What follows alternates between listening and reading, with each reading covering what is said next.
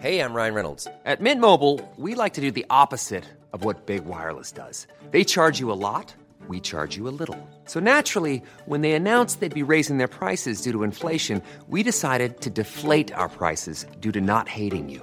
That's right. We're cutting the price of Mint Unlimited from $30 a month to just $15 a month. Give it a try at mintmobile.com slash switch. $45 upfront for three months plus taxes and fees. Promo rate for new customers for limited time. Unlimited more than 40 gigabytes per month. Slows. Full terms at mintmobile.com. Everyone knows therapy is great for solving problems, but getting therapy has its own problems too, like finding the right therapist, fitting into their schedule, and of course, the cost. Well, BetterHelp can solve those problems. It's totally online and built around your schedule. It's surprisingly affordable too. Connect with a credentialed therapist by phone, video, or online chat, all from the comfort of your home. Visit betterhelp.com to learn more and save 10% on your first month. That's BetterHelp, H E L P.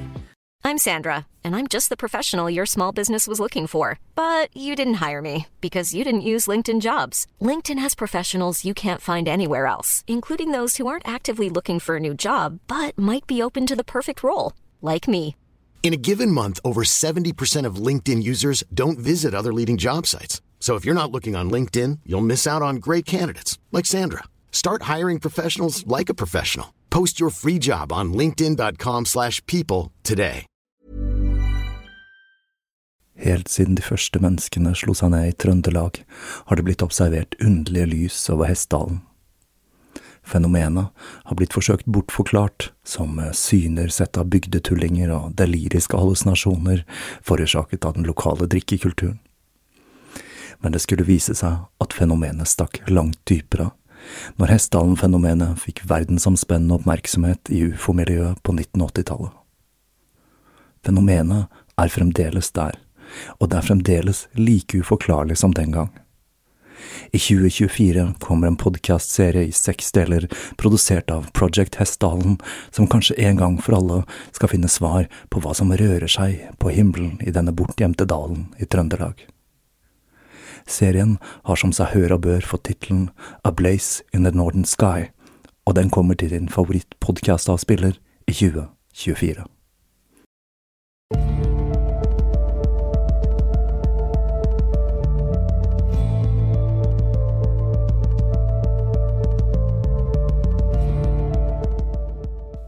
Hei og velkommen til Tåkeprat.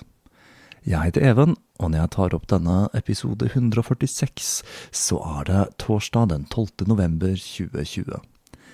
Jeg tar opp denne episoden tidlig om morgenen før jeg går på jobb, og det tror jeg er første gang i podkastens historie. Så får vi se åssen det utarter seg. Jeg må si jeg begynner å bli ganske mett av 2020 nå. Valget i USA er avsluttet etter en heseblesende valgkamp med rekordhøy oppslutning. Selv om resultatet av valget er ganske så tydelig for de aller fleste, og internasjonale observatører har bekreftet at alt gikk for seg slik det skulle, så nekter Trump, som forventet, å anerkjenne valgresultatet. Og han har tilsynelatende startet en prosess med å sette inn personer som er lojale mot ham i ulike posisjoner. Alt dette mens resten av verden undres over hva som skjedde med landet som i så mange år har fremstilt seg selv som en slags global demokratisk ledestjerne. Samtidig begynner Norge sakte, men sikkert å stenge ned igjen, ettersom vi er inne i den andre bølgen med covid. Dette er jo noe man regnet med at kom til å skje, men man håpte vel da at faren var over og tok litt for få hensyn når høsten begynte å sette inn og smittespredningen økte med de konsekvensene det får, som økt arbeidsledighet og isolasjon. Hjelpes. I Asker, hvor jeg bor om dagen, bestemte man seg først for ikke å følge regjeringens anbefalinger om å stenge skjenkesteder og treningssenter. Kanskje uten helt å tenke på at dette kunne føre til at folk fra Oslo og Drammen, enten de ville drikke eller trene, ville valfarte til denne lille boblen der covid-19 tilsynelatende ikke gjelder og først i går så stengte det her også. Da er det kanskje på sin plass å gjøre oppmerksom på at jeg har lansert egne tåkepratmunnbind som er tilgjengelig i nettbutikken nå. Dette dreier seg om britiskproduserte trelags tøymunnbind, altså ikke medisinske munnbind. Og Foreløpig så har jeg to varianter av disse. Svart med logo, og hvit med den strikkende Bafomet. Når jeg tok inn det første opplaget av disse på fredag, så solgte de ut på kun tre timer. Og jeg har nå fått et nytt opplag, og jeg kommer til å bestille nye så lenge det er etterspørsel. Om det skulle være utsolgt i nettbutikken, så er det bare å vente et par dager og sjekke igjen. Selv så syns jeg det er litt artig med munnbind. Det får meg til å føle meg litt som en slags god, gammeldags banditt midt oppi alt det som skjer. Og med tåkepratmotiv så er jo dette, også en god anledning til å vise omverdenen hva ekte norsk podcasting dreier seg om. Men da orker jeg ikke å tenke mer på 2020, valg og korona. Nå skal vi heller begi oss i kast med tortur, krig og massehenrettelser. Det er et litt lystigere tema nå som høstmørket har begynt å legge seg. I arbeidet med denne episoden gikk det meg opp for meg at Ungarns voldsbruk minner om en annen person vi var borti i podkastens spede begynnelse, nemlig Elisabeth Batory. Som vi hørte i den fortellingen, så besto Elisabeths vold i stor grad av stumpvold, stokkeslag og lignende, og i tillegg så var hun glad i å bruke kulde som tortur. Det vi skal se, er at dette er teknikker som også Ungarn foretrakk, men ikke som sadisme mot unge jenter, men for å disiplinere sine egne soldater. Jeg må si at jeg etter alle disse årene med podcasting og med en del mer erfaring, godt kunne tenke meg å gjøre noen av disse tidlige temaene på ny. Kanskje spesielt Bathory og også Jeanne d'Arc hadde fortjent en ny innpakning. Men det får bli ved en senere anledning. Nå er tiden inne for å begi seg i kast med den tredje, og hva jeg tror blir den nest siste del i serien om Den hvite baron.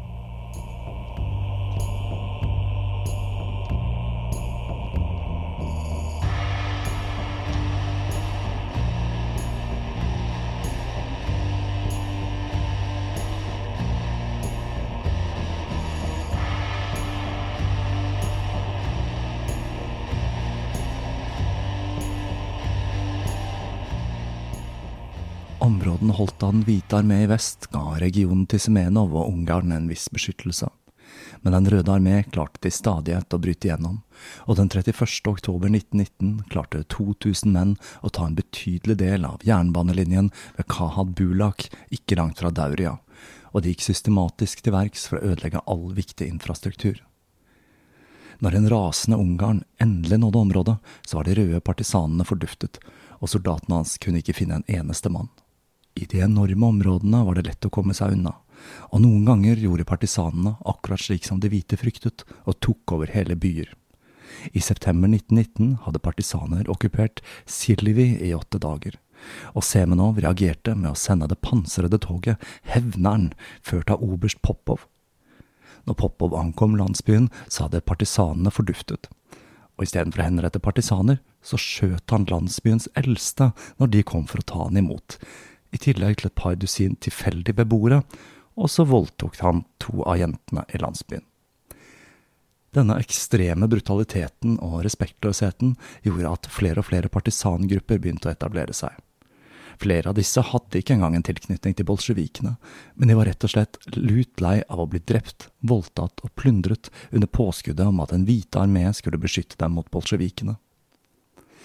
Mot slutten av 1919 var det rundt 100 000 antihvite partisaner i Sibir, og mange av Semenovs egne soldater sluttet seg til disse rekkene da de var lei den endeløse volden og brutaliteten. Ungarns base i Dauria spilte en sentral og grusom rolle i det hele. Den fungerte som en dødsleir. Togvogn etter togvogn med fanger ble sendt dit for å bli drept i massehenrettelser. Det var nemlig tøft for mange soldater å henrette mennesker som bare noen år tidligere hadde vært på samme side som dem selv. Men Ungarns menn, de hadde ikke den typen kvaler. Mange av fangene hadde allerede blitt utsatt for tortur når de ankom leiren, hvor de først ble utsatt for en rettssak, slik at det hele skulle fremstå som seriøst, før de enten ble hengt eller skutt, 70–80 stykker om gangen. Likene ble ikke gravet ned, men dumpet i store hauger i det omkringliggende landskapet. Det ble sagt at Ungarn fant disse råtnende kroppene, menneskeben og deler avslappende, og han fant roen der blant likene. Det kan jo tenkes at han fikk assosiasjoner til bildene han hadde sett i de mongolske templene. Våren 1920 jobbet dødsfabrikken til Ungarn for fullt, og i april 1920 ble 2000 kinesere henrettet på kun to uker i hva som nå ble omtalt som sibirsk galge. Sjefen for henrettelsene var oberst Sipailov. Denne sadistiske obersten hadde hva som ser ut til å ha vært Tourettes. Han hadde rykninger i kropp og ansikt og lagde underlige lyder og siklet, noe som neppe kan ha gjort opplevelsen av å bli henrettet noe hyggeligere. Historien gikk slik at han hadde blitt torturert av bolsjevikene, og at de hadde drept familien hans. Her må det sies at dette var en ganske vanlig unnskyldning for å glatte over sadismen til noen av disse hvite lederne. Han hadde vært involvert i den beryktede massakren ved Baikal den 6. januar 1919, der en gruppe bolsjeviker hadde blitt ført om bord på en båt med et løfte om at de skulle slippes fri. De ble tatt under dekk, og så ble én etter én ført opp og slått i hjel med en klubbe av en kosakk som ventet på dem på toppen av trappa. Dauria var altså ikke et koselig sted, og her kan man lett få assosiasjoner til personer som Vlad Tepers, og det var flere ting som var med på å løfte stemningen. Når man hadde et stort utbrudd av kolera og tyfus i 1919 og 1920, løste Ungarn smittevernet ved å beordre de som var for syke til å klare seg, henrettet. En løsning han skulle benytte seg av flere ganger i senere kampanjer. Vi får jo håpe at våre egne helsemyndigheter ikke går så drastisk til verks. Innen sommeren 1920 var det lite håp for den militære motstanden til de hvite. Motstanden hadde blitt knust av bolsjevikene den vinteren, og i november måtte de hvite troppene evakuere Krim. Semenovs kontroll over Transbaikal var i ferd med å glippe, og Ungarn møtte en Semenov en siste gang på den lille stasjonen Oljuvan for å diskutere en mulig vei ut av utføret. Semenov ba han ta med seg soldatene sine og ta byen Aksja på den mongolske grensen, slik at den asiatiske kavaleridivisjonen kunne opptre som en geriljahær mens de mobiliserte bønder og allierte seg med Robert Rehusin. Han var en av Ungarns gamle venner og hadde kallenavnet Kutteren, og i likhet med Ungarn så var han kjent for å være særs brutal. Ungarn red ut med troppene sine den 15. august, og via Aksja krysset de grensen til Mongolia. Før han gjorde det, skrev han et brev. Vi husker jo fra forrige episode hvordan han giftet seg med en 19 år gammel kinesisk jente, og brevet han skrev, det var en skilsmisse. Under kinesisk lov trengte man nemlig kun ektemannens ønske for å få gjennomført dette, og med det forsvinner kona hans ut av historien. Og jeg kan vel tenke meg at hun ikke var så altfor lei seg for det. I senere sovjetisk propaganda ble man fortalt at Ungarn hadde støtten til Japan når han gikk inn i Mongolia. Men selv om japanerne hadde en finger med i spillet i mye av det som skjedde i regionen, så gjaldt ikke det Ungarns inntog i Mongolia. Ungarn følte at det var i dette landet, i landet til de store erobrerne, skjebnen hans lå. Hans nærmeste allierte hadde blitt manipulert av utenlandske krefter. Hjemlandet hans var nå styrt av bønder, og det russiske monarkiet lå i grus. Alt som gjensto nå, var renheten til det mongolske folket, som hadde holdt på sin gamle tro og sine gamle skikker. Han skulle skape et nytt rike, basert på det Djengis Khan en gang hadde bygget. I motsetning til hva som er blitt påstått senere, så så ikke Ungarn på seg selv som en reinkarnasjon av Djengis, men en som skulle gjenoppta arven etter han. Mongolias uavhengighet var igjen truet, og legenden om en frelse fra nord som skulle komme fra Shambhala og rense landet, var igjen svært populær. Ungarn skulle utnytte disse historiene, men dette var ikke bare et spill. Selv så trodde han at han var personen det ble snakket om i legendene. Han var frelseren som skulle samle Mongolia og gi landet dets uavhengighet tilbake.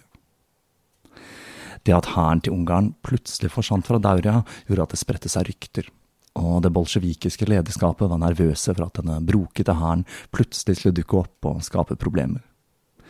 I Mongolia spredte ryktet seg raskt, og alle visste at Ungarn var kommet for å redde landet. Det ble sagt at han sverget tre løfter når han krysset grensen, vi skal gjeninnsette Bogd Khan og få et autonomt styre.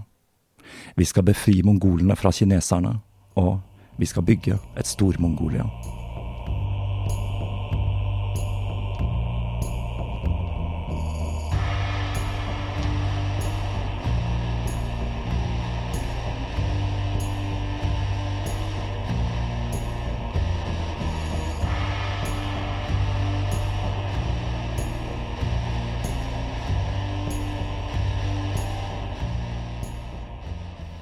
Hadde nemlig skjedd en del ting i landet siden Ungarn var der i 1913. Den gang hadde landet vært en uavhengig stat, mye på grunn av russisk støtte. Men i 1920 ble landet igjen okkupert av kinesiske styrker, og fikk den tvilsomme statusen som en autonom kinesisk stat. Bogd Khan måtte frasi seg tittelen som konge, og fikk den mindre staselige tittelen regent. Samtidig så hadde Kina lovet å ikke utstasjonere så altfor mange soldater i landet, og det betød at selv om landet i teorien var en del av Kina, så hadde Kina liten gjennomslagskraft. Bogd Khan satte sammen en regjering etter vestlig modell, men denne var mest et spill for galleriet, og den reelle makten lå fremdeles hos presteskapet og klostrene. Brysomme sekulære politikere forsvant titt og ofte, og de viktige politiske avgjørelsene de ble tatt i Bogds legendariske fyllefester. Aristokratiet så på dette som en gyllen mulighet til å berike seg selv, og de økte skattene, noe som gjorde at mange så seg nødt til å låne penger fra kinesiske banker. Etter hvert skulle den nye regjeringen i Mongolia tilpasse seg sine kinesiske herskere, og kineserne de tilpasset seg også på sin måte. De gjorde for eksempel om på noen diplomatiske seremonier så de skulle være tilpasset Bogud Khan. Han var nemlig for tjukk til å knele, slik man egentlig skulle gjøre i disse seremoniene. Kineserne spilte på frykten for revolusjon, og den russiske revolusjonen skulle også føre til en økonomisk krise i Mongolia. Russland hadde nemlig styrt en stor del av det mongolske finanssystemet, og med dem ute av bildet trengte Mongolia desperat finansiell hjelp. Dette førte til at det ble fremforhandlet en avtale i september 1919, der Mongolia oppga sin autonomitet og ble en del av Kina. Nå var det den mongolske adelsstanden som styrte landet, administrert fra Kina. Men så skulle det stramme seg til. Sy Shuseng, eller Lille Sy, var medlem av en gruppe pro-japanske kinesiske ledere. Under krigen hadde han vært sentral i den kinesiske bistanden til krigen, som blant annet besto av 300 000 arbeidere som var med på å bygge skyttergravene på vestfronten.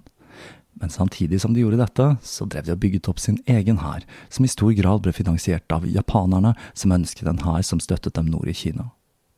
Når krigen tok slutt, så hadde de ikke lenger noen unnskyldning for å bygge ut denne hæren, og kinesiske myndigheter truet med å ta den opp i det ordinære kinesiske militæret, så Sy måtte finne en måte å forsvare hvorfor han hadde disse soldatene. Og samtidig så betød slutten på krigen slutten på den finansielle støtten fra Japan.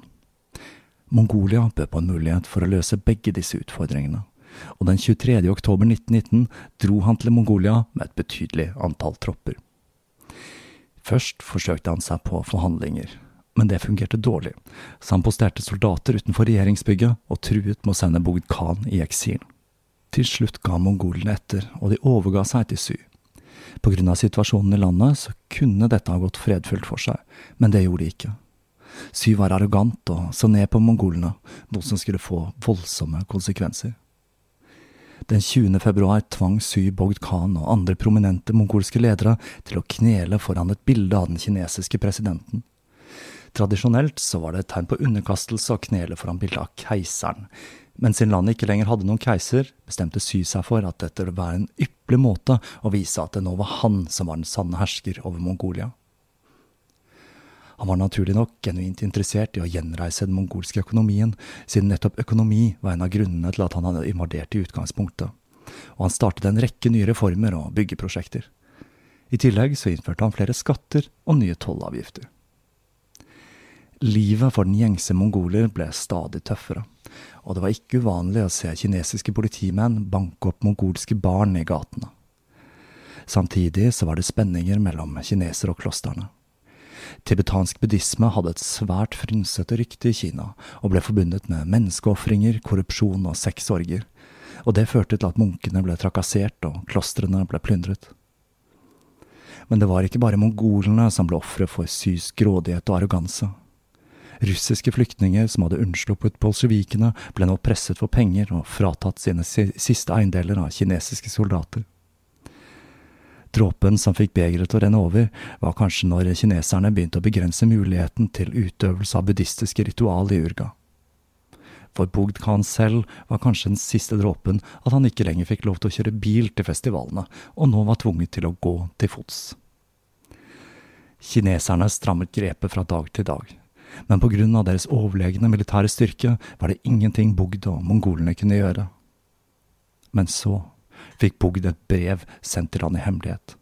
Det var fra Ungarn. Han tilbød seg å befri Mongolia fra kinesisk undertrykkelse, og skrev at han og hæren skulle bli kjernen i et nytt Stor-Mongolia. Bogd var ivrig etter å få hjelp, og ba om at Ungarn skulle komme til Urga så raskt som mulig. Mye sannsynlig så trodde han at alt pratet om å forene et nytt Stor-Mongolia bare var skryt. Men dette var ikke skryt fra Ungarns side. Profetiene hadde forutsett at det nye riket skulle forenes med ild, tortur og blod, og han var overbevist om at dette var hans skjebne. Hæren til Ungarn var en brokete forsamling. På grunn av Ungarns forakt for byråkrati og tendens til å brenne dokumenter, så er det usikkert hvor mange mann denne armeen faktisk bestod av. Divisjonen til Ungarn var ikke den eneste fra den hvite armé i Mongolia, og flere sluttet seg til Ungarn i håp om at han kunne gi dem en ny giv. En av de største av disse, med rundt 200 mann, ble ledet av oberst Casagrandi, som hadde flyktet fra Den røde armé i 1920 og drev med geriljakrigføring før han til slutt måtte flykte til Mongolia. Ungarn representerte et nytt håp for Casagrandi. Han hadde hørt alle ryktene om temperamentet og grusomhetene til Ungarn, men han håpet at de var overdrevne når han ble med i hæren hans. Men der skulle han håpe forgjeves. Denne hæren som skulle gå til hellig krig for buddhismen, var ikke spesielt stor, og med de som sluttet seg til han i Mongolia i begynnelsen, kan vi gå ut ifra at den til å begynne med ikke besto av mer enn 2500 mann. Men i mongolsk målestokk så var dette den største kavalerihæren man hadde sett siden 1600-tallet. Ungarns favoritt, ved siden av kokosnøtter, hesten, var nemlig sentral. Og det var ikke vanskelig å oppdrive nye hester om man trengte det i Mongolia. Selv fattige familier hadde to til tre hester per voksen person, og med velstående nomader hadde hundrevis. Hesten ga Ungarn en mobilitet kineserne ikke hadde, og de brukte hestene til og med til å flytte ting som metraljøser og artilleri. Hæren besto nå i hovedsak av tre deler kosakker, burjatter og tatar.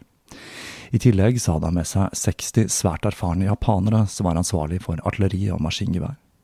Hæren red under en rekke bannere, men det var to symboler som gikk igjen.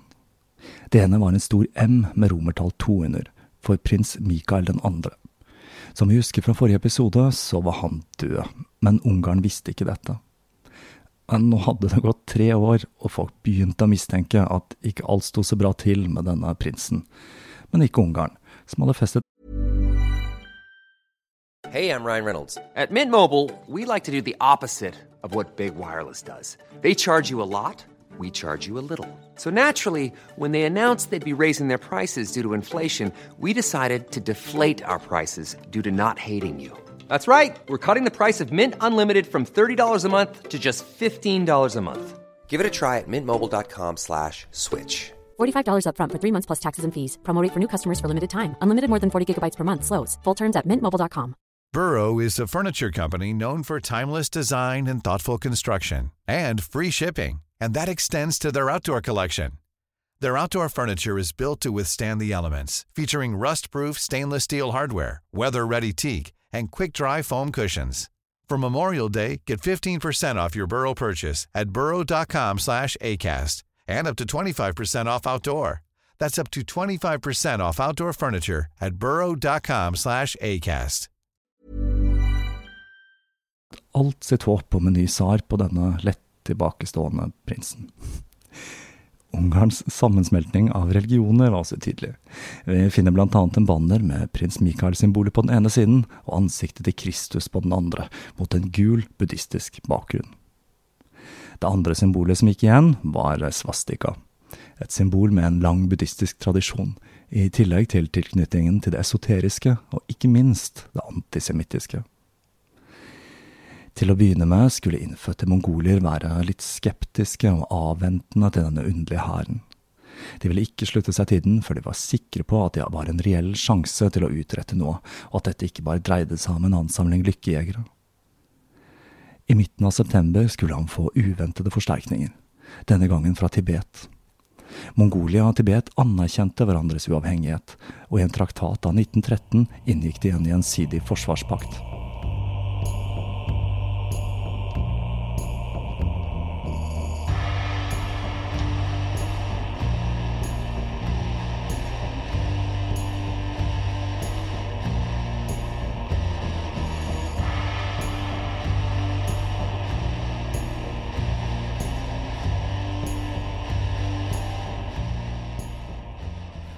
Den 13. Dalai Lama, Tubten Gyatso, hadde et veldig sterkt forhold til Mongolia. I ett århundre hadde Dalai Lama kun vært en symbolsk figur som måtte underkaste seg kinesiske myndigheter. Men med fallet til Qing-dynastiet hadde Gyatso klart å ta tilbake makten i Tibet.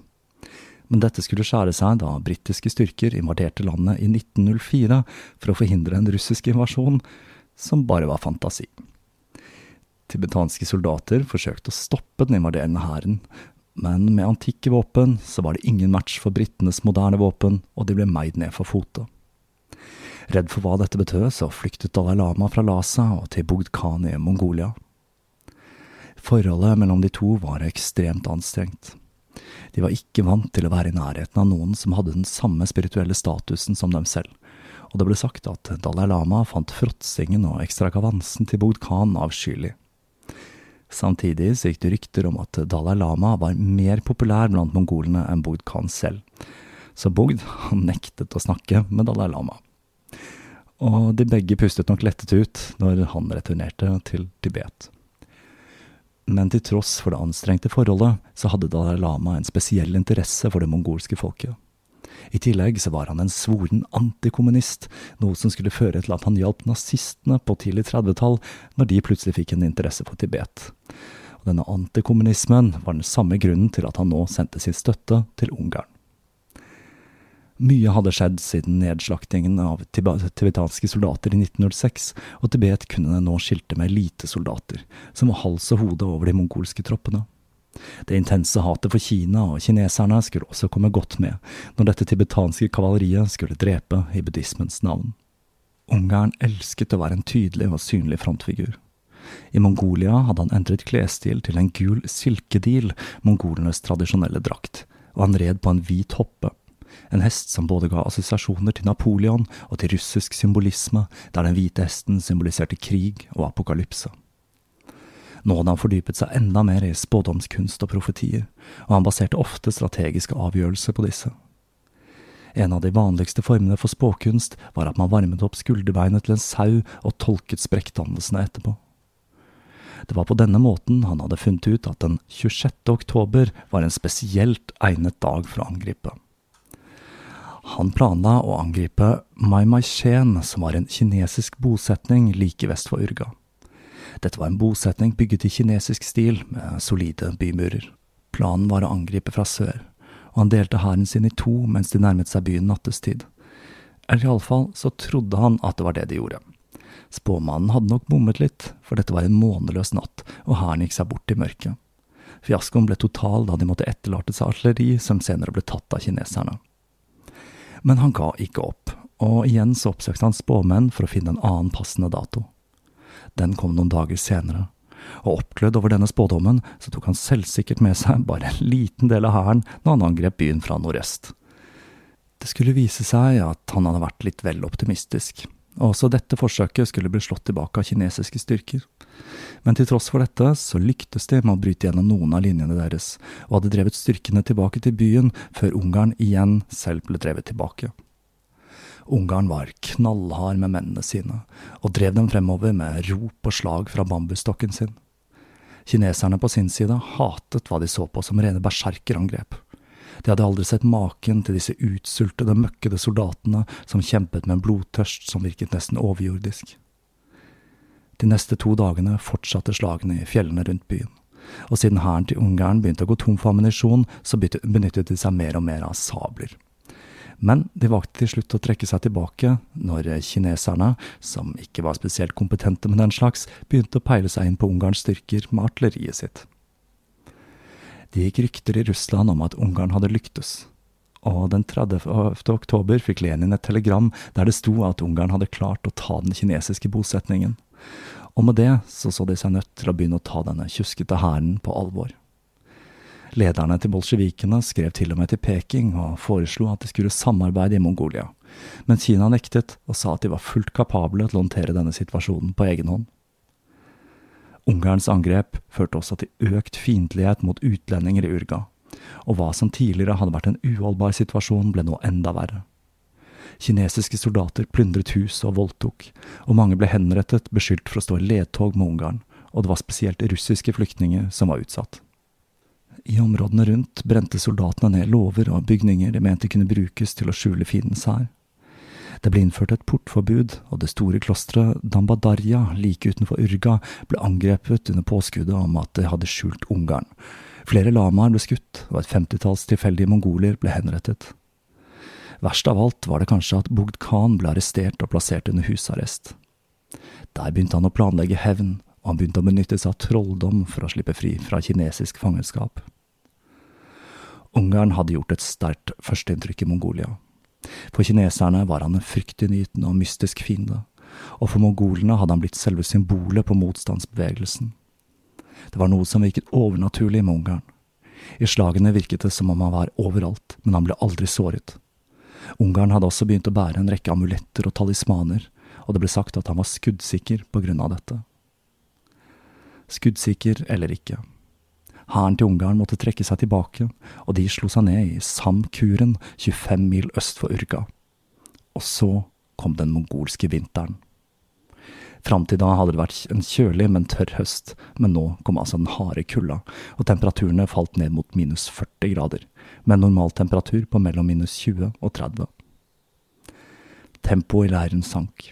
Det meste av tiden ble brukt til å samles rundt ovner.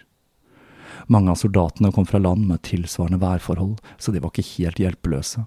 Men de hadde lite ekstra klær, og kameratskap måtte snart vike for den sterkestes rett. De unge og sterke tok fra de gamle og svake, spesielt fra bønder som hadde sluttet seg til hæren ved den russiske grensen, og mange døde i kulda. Favorittfottøyet var den evige støvelen. Dette var et fottøy man laget ved å ta råhuden til en slaktet sau eller ku, og la denne tørke rundt foten slik at den stivnet til.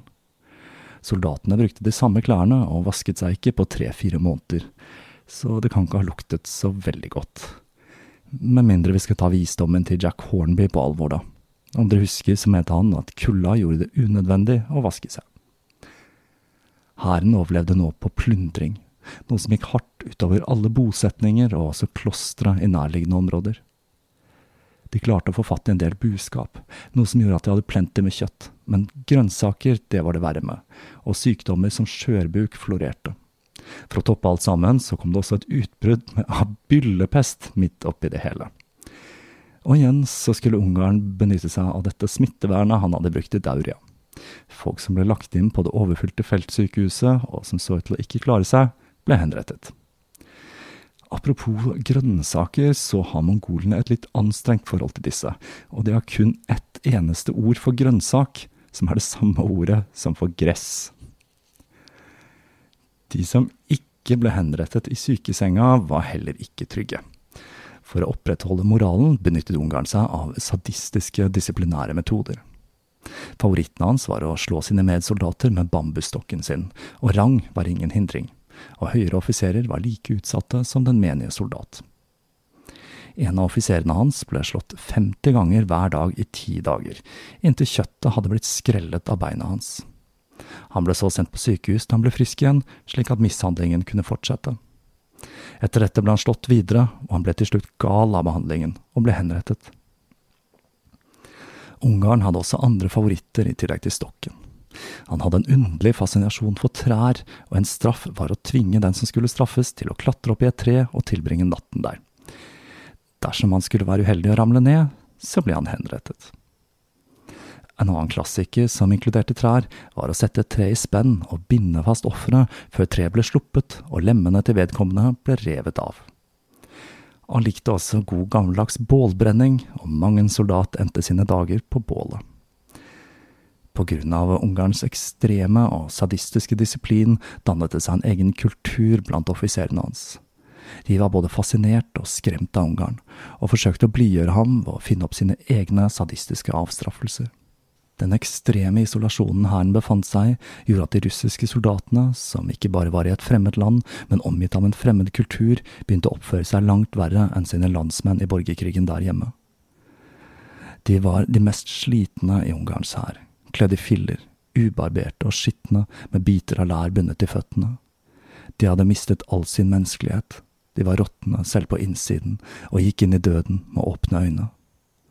Senere skulle russerne som overlevde tjenesten i Ungarns hær, skylde på mongolsk grusomhet og krigens galskap, i tillegg til frykten for Ungarns disiplin. En overlevende fortalte at det var drepe eller bli drept, vi slåss som demoner fra helvete. Etter krigen var Ungarn nemlig så beryktet at ingen ville bli assosiert med hans grusomheter.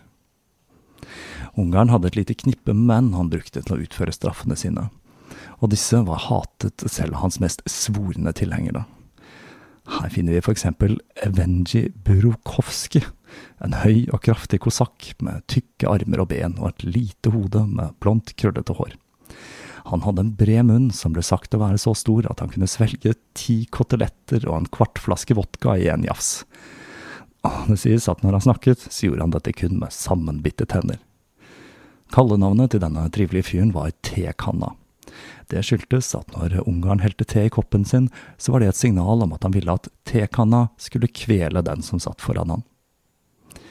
I dette vinter- og voldshelvetet begynte forståelig nok folk å få nok, og flere og flere, spesielt russere, begynte å desertere. For Ungarn så var dette en forlengelse av revolusjonen, bolsjevikene og jødenes innflytelse, og han satte sammen egne mongolske tropper som skulle oppspore og henrette de som hadde desertert. De tok i bruk metoder som hengning og ihjelpisking. Når den russiske kaptein Ryanski deserterte med 68 menn etter å ha fått nok av Ungarns grusomheter, ble de sporet opp, og mongolene kom tilbake til Ungarn med en sekk med 69 menneskeører for å vise at de hadde utført jobben. Som belønning fikk mongolene Ryanskis kone, og behandlingen hun fikk av dem, gjorde at hun ble gal og til slutt døde. Det hendte også at mongoler deserterte, men Ungarn utviste langt mer nåde med dem enn med sine europeiske og japanske desertører. I tillegg til det russiske yrkesmilitæret var det en del russiske flyktninger og immigranter som hadde blitt tvunget inn i Ungarns hær, og disse ble et spesielt yndet offer for Ungarns voksende paranoia, og ble mistenkt for å være potensielle revolusjonære og jøder. Det at Ungarn hadde et etnisk skille mellom hvordan han straffet soldatene sine, gjorde at han styrket båndet til sine mongolske tropper. Nå som Ungarn selv hadde sluttet å drikke, så var han spesielt streng med soldater som var synlig beruset. Og alkohol, det var det nok av, da mongolene hadde en evne til å produsere alkohol av de mest underlige ingredienser, som fermentert hoppemelk eller kumis, som strengt talt kan kategoriseres som en egen type alkoholholdig drikk, siden den verken er laget av frukt eller korn. Favorittstraffen hans for fyllen var at den skyldige måtte tilbringe en natt naken på en frossen innsjø eller elv. Hvis Ungarn følte at det var behov for en enda strengere straff, måtte vedkommende være der i flere dager, og fikk kun lov til å spise rått kjøtt. Ved en anledning hadde Ungarn sendt en hel gruppe med nakne menn ut på Tulaelven, hvor de ble angrepet av en flokk med ulver, og så seg nødt til å slåss med ulveflokken med bare henda. Og utrolig nok så overlevde halvparten. Ungarns sadisme var en blanding av to ting. Den var en ekstremutgave av disiplinen i den russiske hæren. I hæren hadde en lett straff vært 50 piskeslag. For Ungarn var dette 100 slag mot hver enkelt kroppsdel, noe som førte til ekstreme situasjoner. Ungarn selv undret seg når han oppdaget at mennesker fremdeles kan gå selv om kjøtt og bein ble separert. I tillegg til å trekke inspirasjon fra den russiske hæren, hentet han inspirasjon fra de buddhistiske helvetene, hvor det nærmest er endeløse fantasifulle straffer for ulike synder. Den verste synden av dem alle er ifølge et kompendium å drepe din egen bestemor for så å servere henne til munker. Denne synden, som berørte flere synder på en gang, fromhet, kannibalisme, urett mot de eldre og overskridelse av vegetarianisme, var kanskje ikke så veldig utbredt, men den viser at man virkelig brukte fantasien for å tenke ut både synd og straff. I de buddhistiske templene fant man statuer og illustrasjoner av ulike fantasifulle straffer utført av demoner, på i all hovedsak nakne kvinner, noe som la en pornografisk undertone til det hele. Alle Ungarns metoder var fremtredende i de buddhistiske fortellingene om helvetes pinsler. I den ortodokse kirken hadde man også fremstillinger av hva som skjedde med syndere i helvete, men poenget med disse var i all hovedsak å skremme de troende til å underkaste seg kirken. I motsetning så hadde de buddhistiske helvetene en mer mystisk tilnærming. Helvetes pinsler var en illustrasjon av renselse, en slags skjærsild på vei til neste reinkarnasjon. For Ungarn var begge disse syn gjeldende. Straffene hans var ment å holde soldatene lydige og på tå hev. Men samtidig så så han på desertører og revolusjonære som på den gale siden i en krig mellom det kosmisk gode og onde, og dermed noe som måtte renses. De var mer enn mennesker, de var onde ånder i menneskeham som var ute etter å avsette konger og sette bror mot bror, sønner mot fedre og fremskynde apokalypsen. Han trodde at kommunismen var en eldgammel ondskap som hadde sine røtter tilbake i Babylon men til tross for forholdene i Ungarns hær, så vokste den daglige. Nye rekrutter ankom fra hele Mongolia. Mange var ofte skeptiske til historiene de hadde hørt, men møtet med virkeligheten skulle vise seg langt verre enn hva de hadde blitt fortalt. For russere som sluttet seg til hæren, så skulle dette bli møte med en grusom skjebne. Men for mongolene derimot, som ble behandlet en del bedre enn sine russiske kamerater, så var dette en mulighet til å kjempe for mongolsk uavhengighet og friheten til Bogd Khan. I kombinasjon med behandlingen de hadde fått av Su sine tropper, så var dette mer enn nok til å underkaste seg Ungarn og delta i dette korstoget for buddhismen. Men ikke alle mongolske soldater var der frivillig. Mange unge menn ble tatt fra familiene sine og tvunget inn i hæren.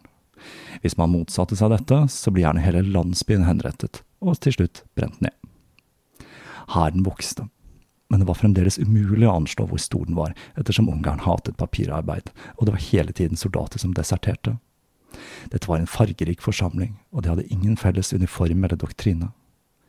De var utstyrt med japanske rifler fra Ungarns tid i Dauria, men de hadde også fått tak i italienske mitraljøser kjøpt av Mongolia under den store krigen. Men mange av de mongolske soldatene, de holdt seg til sabler og lanser.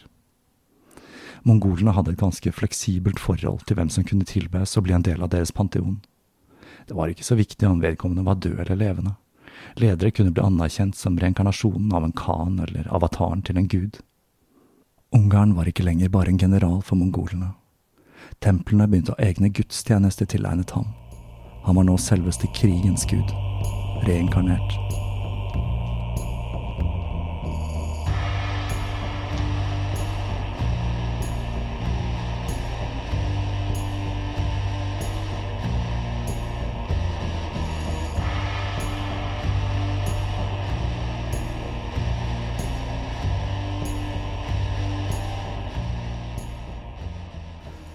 Der avslutter vi det kapitlet i historien om baron von Ungarn Sternberg og hans grusomheter i Mongolia.